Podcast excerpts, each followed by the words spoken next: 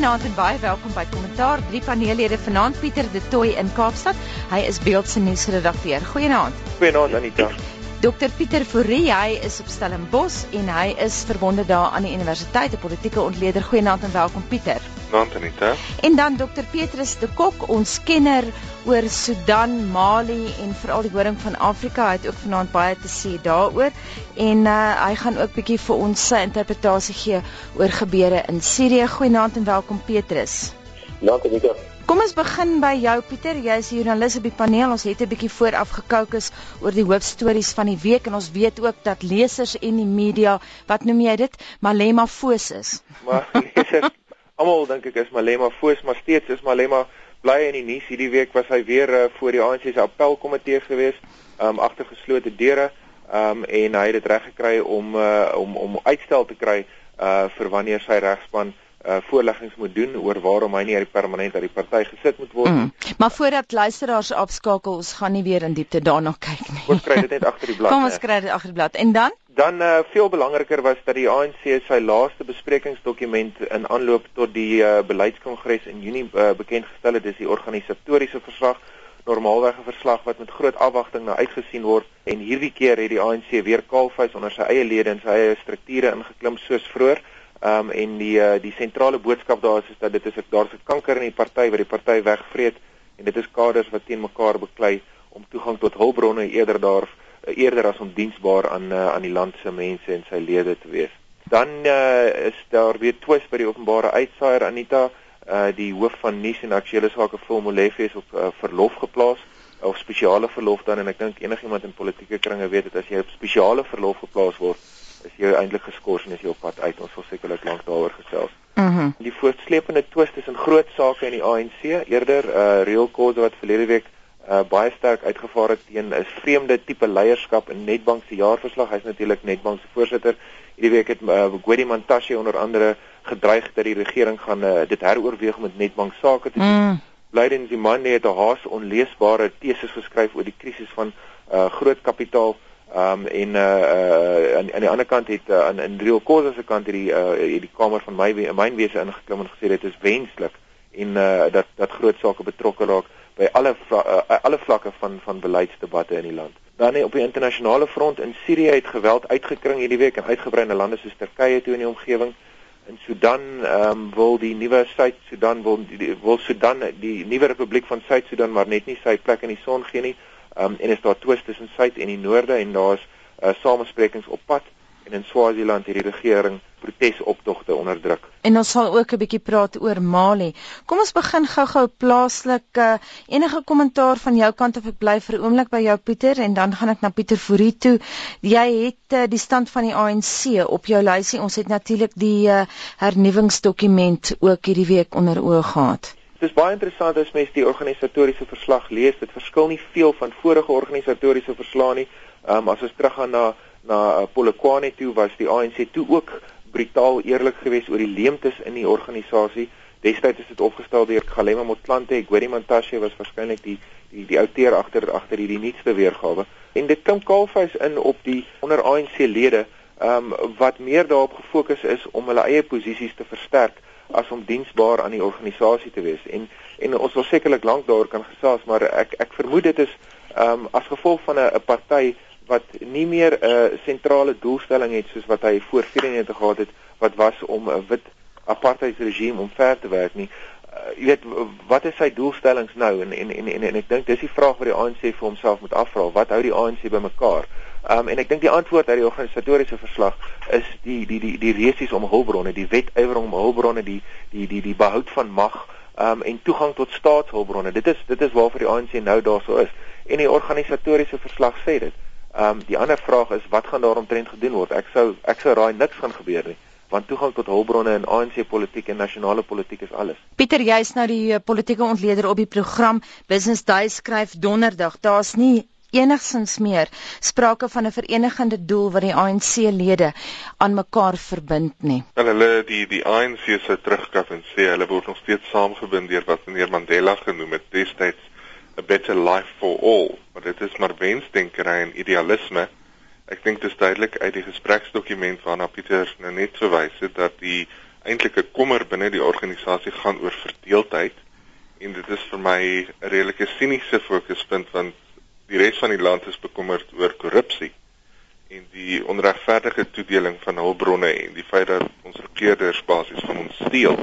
Maar dit lyk asof dit minder van 'n prioriteit is as eenheid binne die ANC. Dit is vir hulle die belangrikste ding en wanneer kritiek uitgespreek word veral van mense wat hulle dink aan hulle behoort soos Roel Khoza, dan word daar geweldig aggressief gereageer teen sulke dislojaliteit. Wat die dokument self betref, Pieter het nou sy insette daaroor gegee.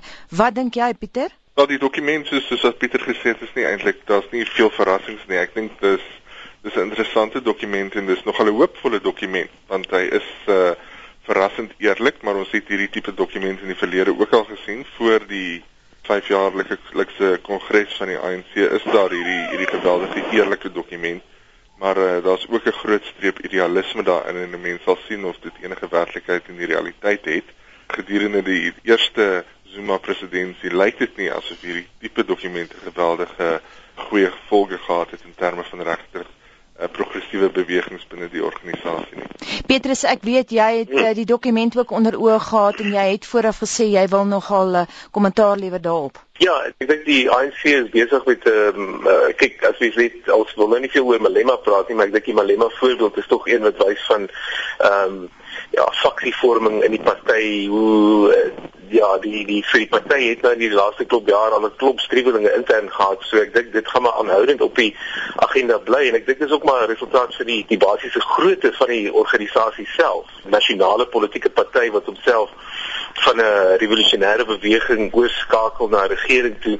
So nou is daar natuurlik heel ander belange uh, of dit nou individuele belange is wat bots met die belange van die staat en die party so baie gaan verskuif en daai goed uh, verraadloop. Maar ek dink wat vir my ook interessant was is dat daar 'n uh, opsomming van die ANC navorsingsstudie oor die nasionalisering of die staat se rol in die in die mynbedryf is ook nou uit na die uh, provinsies toe. Wat vir my interessant is van die hele proses, weet die dokument rondom die party wat ons nou oor praat, maar ook die dokument oor die beleid oor die mynwese, is baie duidelik dat die denke rondom die mynwese stuur redelik sterk weg van die beginsel van nasionalisering af.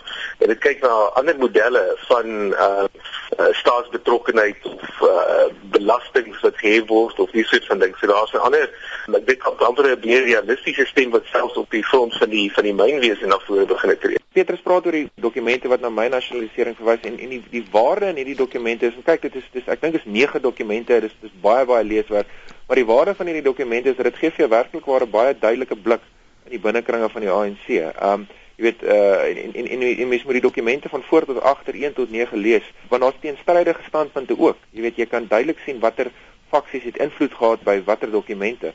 Dit is baie waardevol hoe baie van die voorstelle of hoe baie van die idees daarin beslag gaan kry na Mangaung is 'n oop vraag want ek dink uh, dit sal mense loon om 'n vergelyking te gaan doen oor presies wat na Polokwane gebeur het. Die aanloop tot Mangaung en Mangaung self gaan baie minder oor om die ANC te vernuwe of om 'n uh, nuwe revolusionêre en ek praat nie van revolusionêre in die marxistiese sin nie, ek praat regtig van vernuwende denke daar uit te kry. Dit gaan oor mag en dit gaan oor magsbehoud. Um so dit is baie lekker om hierdie dokumente te lees en mense kan baie lekker daaroor filosofeer. Maar op die einde van die dag gaan hierdie goeders teruggeskei word uh, ten gunste van 'n leierstryd wat gaan daaroor om uh, toegang tot staatshulpbronne te behou. Pieter op Stellenbosch Ek was verlede Vrydag by 'n seminaar gewees waar 'n baie senior politieke wetenskaplike terugspreek gehou het oor die ANC se beleidsontwikkeling sedert die die sedert 100 jaar gelede wat die organisasie nou oud is. En die persoon het 'n gesprek gehad met 'n geweldige senior ANC persoon wat een van die kernouteurs was van die Vryheidsmanifest van die mid 1950s waar die verwysing na die nasionalisering van die myne en ander plaaslike hulpbronne vasgepen is. En daardie outeur het die opmerking gemaak en dit is baie interessant dat sou die Vryheidsmanifest vandag geskryf word, sou daardie paragraaf nie daarin gewees het nie. Die Vryheidsmanifest het die spesifieke konteks van sy tyd beskryf. Mm. En die die kernbeginsels van die ANC bly pragmaties en dit sou die die die die huidige waardes rondom besittingsreg weerspieël eerder as om net vir oudtydse marxistiese gedagtes vas te klou aan die idee van nasionaliseer. Kom ons beweeg aan na die stand van die ANC.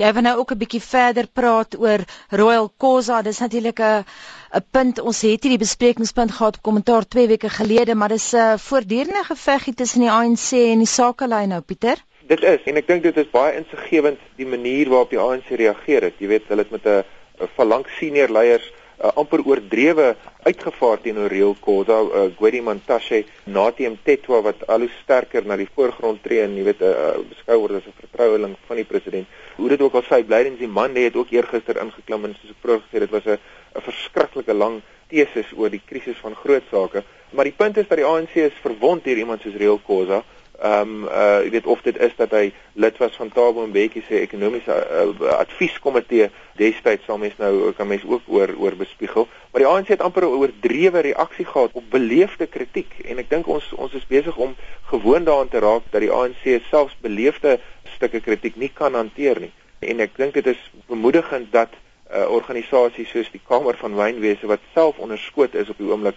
'n mens self onder druk is gesê het dit is wenslik dat sakeleiers betrokke raak by beleidsdebatte in die land. Ek dink nie ons uh, ons ons sake sektor het 'n vreeslike trotse geskiedenis daarvan om uh, om polities betrokke te raak nie. Hmm. Ek weet ek dink uh, dit gaan maar oor selfpreservering en hulle sal betrokke raak as dit hulle inkomste state begin raak, maar ek dink ons het 'n punt bereik waar dit wel uh, die, die, die sake se vermoë om om om besigheid te doen beïnvloed. Business Day het hierdie week 'n uh, uh, meningsstuk gehad om te sê dat groot maatskappye se reserves is op op die hoogste vlakke ooit. Waarom belê groot sake nie in Suid-Afrika nie? Wel, dit is vir almal daar om te sien. Daar's beleidsonsekerheid. Um, allerhande wilde stellings word gemaak en en, en dit skep 'n onsekere klimaat. Pieter, jy is nou nuusredakteur by Beeld. Jy het hierdie week geskryf, jy het verwys na Dinsdag se uitlatings deur David Makura en Fikile Mbalula wat vertel het hoe die ANC hom posisioneer om vir altyd aan bewind te bly. 'n Redelike sterk hoofartikel oor die ongemak weens daardie uitlating. Ja, ek dink daar's daar's 'n toenemende ongemak met die ANC se manier van demokrasie bedryf. Akademisie se siening van wat 'n demokrasie is en en die ANC se siening van wat 'n demokrasie is, is besig om al hoe verder van mekaar af te dryf en en, en ons kan net twee akademisie op die paneel meer daaroor vra. Maar 'n ANC demokrasie is een waar die ANC regeer waar hy sy mense op strategiese punte sit. En Anita, jy sit vanaand daar by die SAIK. Ek dink die SAIK se slagoffer van die ANC se tipe demokrasie, ehm um, waar hy sleutelpunte wil beheer. En dit vat ons terug na sy sy beleidsontwikkeling waarna Pieter vroeër verwys het, wat van vroeë jare af 'n uh, weet die nasionale demokratiese revolusie wat bepaal dat jy jou mense in strategiese plekke moet sit ten einde die diskurs te bepaal en ten einde op die einde die die die die land te beheer. Petrus? Die ehm um, geval van Khoza se se kritiek op die op die ANC is vir my nog interessant. En wat ek sien ook die die die Kamer van Mynwees het ook uit die week uitgekom en ehm um, basies om ondersteun. Kyk, dit is 'n baie sensitiewe terrein wat jy inbeweeg daar, wat ek dink onderliggend aan hierdie soort van spanning tussen die groot besigheidsbedryf en die staat in Suid-Afrika is is uh, spanning rondom die transformasie van die ekonomie as ek net dink byvoorbeeld verlede jaar het ek deelgeneem aan 'n hele reeks wat, wat hulle genoem het in die parlement die public hearings oor die uh, mining charter byvoorbeeld. As ek terugdink aan van die opmerkings wat gemaak is en van die argumente wat uitgebreek het in daai komitee vergaderings tussen die Kamer van Mynwese en die die voorsitter van die komitee in die, in die parlement is dit baie duidelik dat die netbank uh, standpunt sowel as die regering se antwoord daarop wys vir my terug na 'n uh, ongemaklike verhouding tussen besigheid en die staat of besigheid en die regering in hierdie geval. So ek sien dit meer in daai lig van hoe hanteer aan die een kant die regering kritiek wat kom van 'n besigheidsorganisasie wat nog steeds gesien word as dalk deel van die probleem van die vooruitgang van die land en die transformasie van ons ekonomie. So ek sou sê eh, die probleem wat in hierdie gesig staar is 'n baie groot een en dit is ook 'n baie langtermynproses van in die eerste instansie transformasie en in die tweede instansie van hoe kry mense dit reg vir die besigheidswêreld en die regering in Suid-Afrika om meer en uh, hoe kan we sê koherensie te kan kry tussen wat is ons doelwitte as 'n land, wat is ons doelwitte as 'n nasionale ekonomie. Mm. En ek dink totdat mense nie daai soort van ding uitgesorteer het, die gaan 'n mens die regering kry wat baie sensitief gaan wees op kritiek uit uh, die besigheidswêreld uit. Pieter Fourie Ek dink Pieter dit is heeltemal reg. Die besigheidssektor moet baie harder praat en moet baie meer deel wees en sentraal wees tot die nasionale gesprek wat ons as Suid-Afrikaners voer, veral as die ANC so beklemtoon, jy weet die tweede fase van die revolusie, naamlik die ekonomiese bevryding wat nou die politieke bevryding moet volg. En tot dusver soos wat Petrus gesê het, jy weet die die die besigheidssektor het nie regtig gedoen nie. Hulle hulle hulle het hulle ondersteuners in die in die parlement en dit is die die demokratiese alliansie tot 'n groot mate ideologies gesproke. Ehm uh, hulle het hulle ondersteuners in 'n uh, burgerlike samelewing, jy weet 'n paar uh, think tanks wat namens hulle praat, maar besigheid kom nie geweldig sterk na vore nie. Netlek waar wat onderstel is om 'n forum te wees waar besigheid praat, is nie 'n geweldige sterk organisasie nie. As ek dink aan die die nasionale geveg wat daar was in Australië 2 jaar gelede toe die eerste minister 'n superbelasting wou hef op mynbou en om om meer wins te kry vir die staat omdat dit jy weet as as ons goed uit die grond uithaal is dit weg vir altyd. So die minister die eerste minister het die punt gemaak dat dat daar baie meer geld vir die nasionale regering moet gaan uh, as gevolg daarvan. En die die mynboubedryf het het geantwoord daarop deur nasionale advertensieveldtogte te hê daarteen en geweldig aggressief deel te neem aan nasionale debatte. Ons het glad nie daai tipe kultuur in Suid-Afrika nie en ek dink ons moet dit kry. Net om aan te sluit by by by Pieter Fourie, jy weet onthou 'n paar jaar terug toe die eerste nasionale bank uh advertensieveldtog wou begin om die president om 'n debat aan die gang te kry oor misdaad. Toe daar 'n hoofvlak afvaardiging na 'n uh, bank city toe gegaan in in Johannesburg se middestad en uh, eh, ENB se bestuur omgepraat om dit nie te doen nie. Jy weet mm. en, en en dit nou uh, dit gelyk het of die bank homself regmaak om regtig deel te word van die van die nasionale debat. Ehm um, stuur vir Esapa hard in en die volgende dag is dit oor en verby. Die uh, insette word verwelkom indien hulle saamstem met wat in wat by die Unie geboue gebeur. Maar indien daar teenkanting is natuurlik teenkanting en as jy en jy is wit of jy is besigheid dan is jy 'n rasis teenkanting en jy is swart soos Royal Cause dan is jy anti-revolusionêr of jy's net eenvoudig dislojaal. Petrus, laaste woord hier aan jou en dan beweeg ons aan na die SAIK. Die spanning wat ons daar al sedert 94 tussen die regering en die en die besigheidswêreld het slaan op in ons buitelandse beleid sowel as Suid-Afrika se buitelandse beleggingsstrategie uit. Daar's 'n baie groot strategiese vraag oor die verhouding tussen ons groot besigheid wat in Afrika belê en selfs kleiner besigheid en regerings buitelandse beleidsstrategie.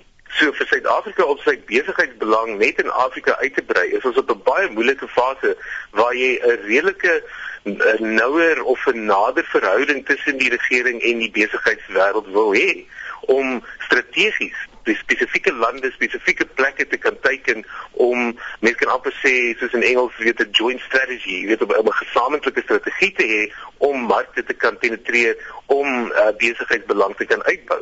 So hierdie uh, soort van spanning wat ons hier daar kyk wat ons hier oor gesels het nie net 'n impak op ons nasionale politiek nie, dit het ook 'n impak op die toekoms van ons ekonomie en die uitbreiding van ons ekonomie self net in die in die suidelike Afrika streek, maar ek dink uh, ons kan dit nou daar laat.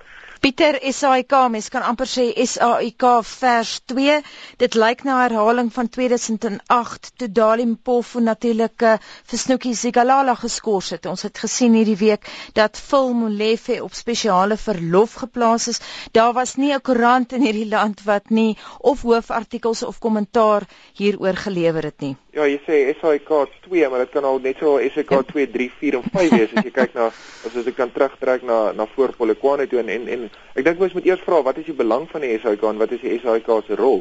Ehm um, nou die SAIK is 'n openbare uitsaaier wat uh befonds word deur die staat en ook befonds word deur uh uh TV lisensies en sy mandaat is om openbare diens aan die mense van die land te lewer. Die SAIK is organisasie met die grootste rykwyte as jy kyk na sy TV-stasies, sy radiostasies, mm. ehm mm. um, uh die tale wat hy dien, jy weet die die streke wat hy by uitkom. Daar's nie 'n media dis dis dis 'n weergalose media organisasie. En die aantal luisteraars wat ons het, nee, baie meer as wat julle lesers het. Dis jaloers daarop uh, Anita. Ehm um, maar die maar die probleem is is dat die SAK weet vandat hy sekerlik gevestig is 'n uh, 100 of wat jaar terug uh nog altyd uh betwiste terrein was en nog altyd 'n terrein was wat hierdie magshebbers van die dag probeer uh, wil dit probeer om die SAK te misbruik. Jy weet uh uh die nasionaliste het dit gedoen en en, en die ANC is is sommige sommiges meen die ANC selfs erger. Die SAK was na Thabo Mbeki by Polokwane en dan gaan ons weer terug na Polokwane toe. Um uh, is naby Polokwane uit sy pos uitgesit. Dit was die eerste terrein van twis tussen die nuwe leierskap en Thabo Mbeki. Ek dink die dag na 'n bietjie teruggekom het in Pretoria van Polokwane af, het hy sonder om met die uh, leierskap uh oorleg te pleeg die nuwe uh, SAIK raadslede se name bekend gemaak. Mm. Dit, dit was om sy mense daarin te kry.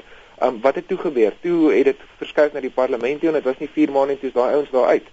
Dis die uh destydse SAIK raadsvoorsitter uh Kanye Mkonza dink ek is onseremonieel uitgeskop daarso en sedertdien het dit elke paar maande gebeur. Ek dink nie ons kan uh dis baie moeilik om tred te hou van wie is die nuwe SAIK raadsvoorsitter of wat se nuwe lede is op die raad gekoopteer, wie is die uh, hoofuitvoerende beampte, wie is die hoof van nuus. Kyk na die uh, talle golden handshakes oor die afgelope paar jare, beginnende by Dalian Polfu wat hoeveel 12 miljoen rand gekry het. Die vorige uh, nuushoof het 'n het, het 'n groot bedrag gekry. Robin Nicholson wat finansiële hoof was. So vir die SAK het in 'n diep gemors. En moenie vergeet dat daar 'n wet in die parlement die uh, voorgestelde wet op uh, openbare uitsaaier waar daar ook twis oor is, want dit gaan daaroor wat is die mandaat van die van die SAIK en en, en die voorgestelde wetgewing soos wat in die parlement lê of soos dit laas jaar ingedien is sal baie meer magte aan die minister van kommunikasie gee om in te gryp. Kom ons um, plaas dit in 'n internasionale konteks. Pieter Fourie, jy was nou vir 'n paar jaar in Australië gewees. Ons weet dat die BBC ook al probleme gehad het die openbare uitsaaier in Engeland het groot probleme gehad. Dit is nie uniek tot Suid-Afrika hierdie probleme met die openbare uitsaaier nie of hoe? Nee, glad nie. In 'n Westminster stelsel is daar altyd spanning. Maar hoe werk dit in Australië? In Australië is daar 'n 'n soos wat hulle hulle self voorstel as 'n fiercely independent. Hulle hulle is uh, jy weet hulle is aggressief onafhanklike media daar wat nie skroom om die regering te te kritiseer nie. Nou die die die kwaliteit van die journalistiek in Australië is is nie baie goed nie. Daar daar's nie 'n geweldige nasionale gesprek wat regtig met groot introspeksie plaasvind nie. Maar mense kry nie die indruk dat uh, mense uit die Unie gebou om skuim om die mond oproepe kan maak na die kantoor van die die nasionale uitsaaiers toe nie. Soos wat dit in Suid-Afrika die geval was met die nasionaliste sowel as die die ANC nie. En, en dit is die geval met die met die BBC ook. Daar is baie groter onafhanklikheid en 'n baie meer respekvolle maar spanningsvolle verhouding tussen die regering en die nasionale uitsaaier. Wat ek dink toepaslik is. Ek dink nie hulle hmm. moet vriende wees nie. Hmm. Maar wat ons in Suid-Afrika sien is 'n is 'n politieke ry van kooptasie, mense wat hulle eie vriende aanstel, mense wat stemme wil hoor wat soos hulle dink en dinge sê wat hulle dink en dit is ongesond. Petrus, wil jy laaste woord daaroor sê want ek weet ons moet internasionaal na internasionale nuus kyk en jy wil baie graag praat oor Sirië. Wil jy gou iets sê oor die SAIK voor jy aanbeweeg? Nee, net so kort dat ek dink die dit is nou al verskeie jare soos dit uh, by by ons gaan ander vriende opgemerk het. Dis dit nou al elke nou dan is daar uh, een van die krisisse die die SAIK. Ek dink dit is ook maar soos wat Pieter nou net gesê het, dit is 'n resultaat van 'n baie moeilike verhouding want hoe handhaaf jy uh, onafhanklikheid as jy basies die die die offisiële spreekbuis is. So ja, daai magspanning sal voortgaan en ek wil amper sê met die laaste posisie wat 'n mens wil aanvaar is 'n uh, posisie op die raad vir die SAIK want jy mag dalk nie baie lank daar sit nie lyk dit vir my. wat het Rian Kruiwagen jare gelede gesê oor toebroodjies werk toe vat? Dis reg. Ja, jy jy's 'n optimis. Jy's 'n blinde optimis as jy jou middagete saam werk toe bring.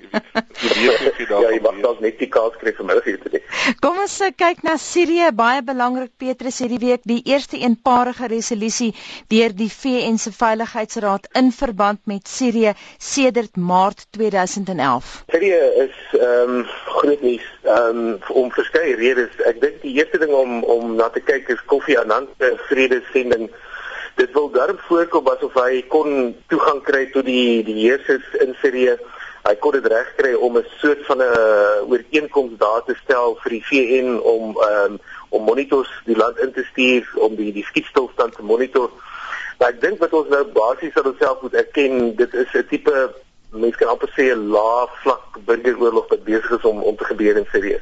Alreeds het die effek daarvan in Turkye en Libanon gewys en ek mm. dink die die die die kommerwekkende deel daarvan is ehm um, dat ons moet onthou dat Sirië het nog meer as 'n miljoen Irakiese vlugtelinge wat nog van 2003 af gevlug het uh, met die Amerikaanse uitval in Irak en en as mens nou hierdie dinamika dophou van 'n uh, 'n uh, verdere impak in ander lande in die streek dan is die onmiddellike gevolg daarvan dat byvoorbeeld die Turke gaan dieper betrokke moet word in Sirië om hulle eie grens te beskerm.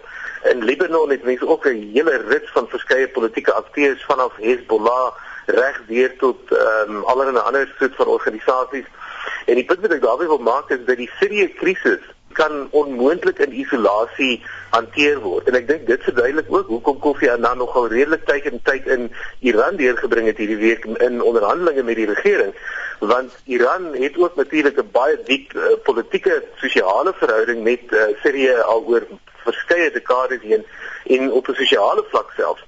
So jy kan amper nie met Sirië op hierdie stadium te doen nie as jy nie met Iran ook onderhandel nie. So wat dit vir my sê is dat Iran se posisie en sy rol in die streek uh, kom moet mense nou amper vanuit 'n ander uh, behoek beskou weg van net die die die vraag oor 'n kernprojek en al die soort van dinge.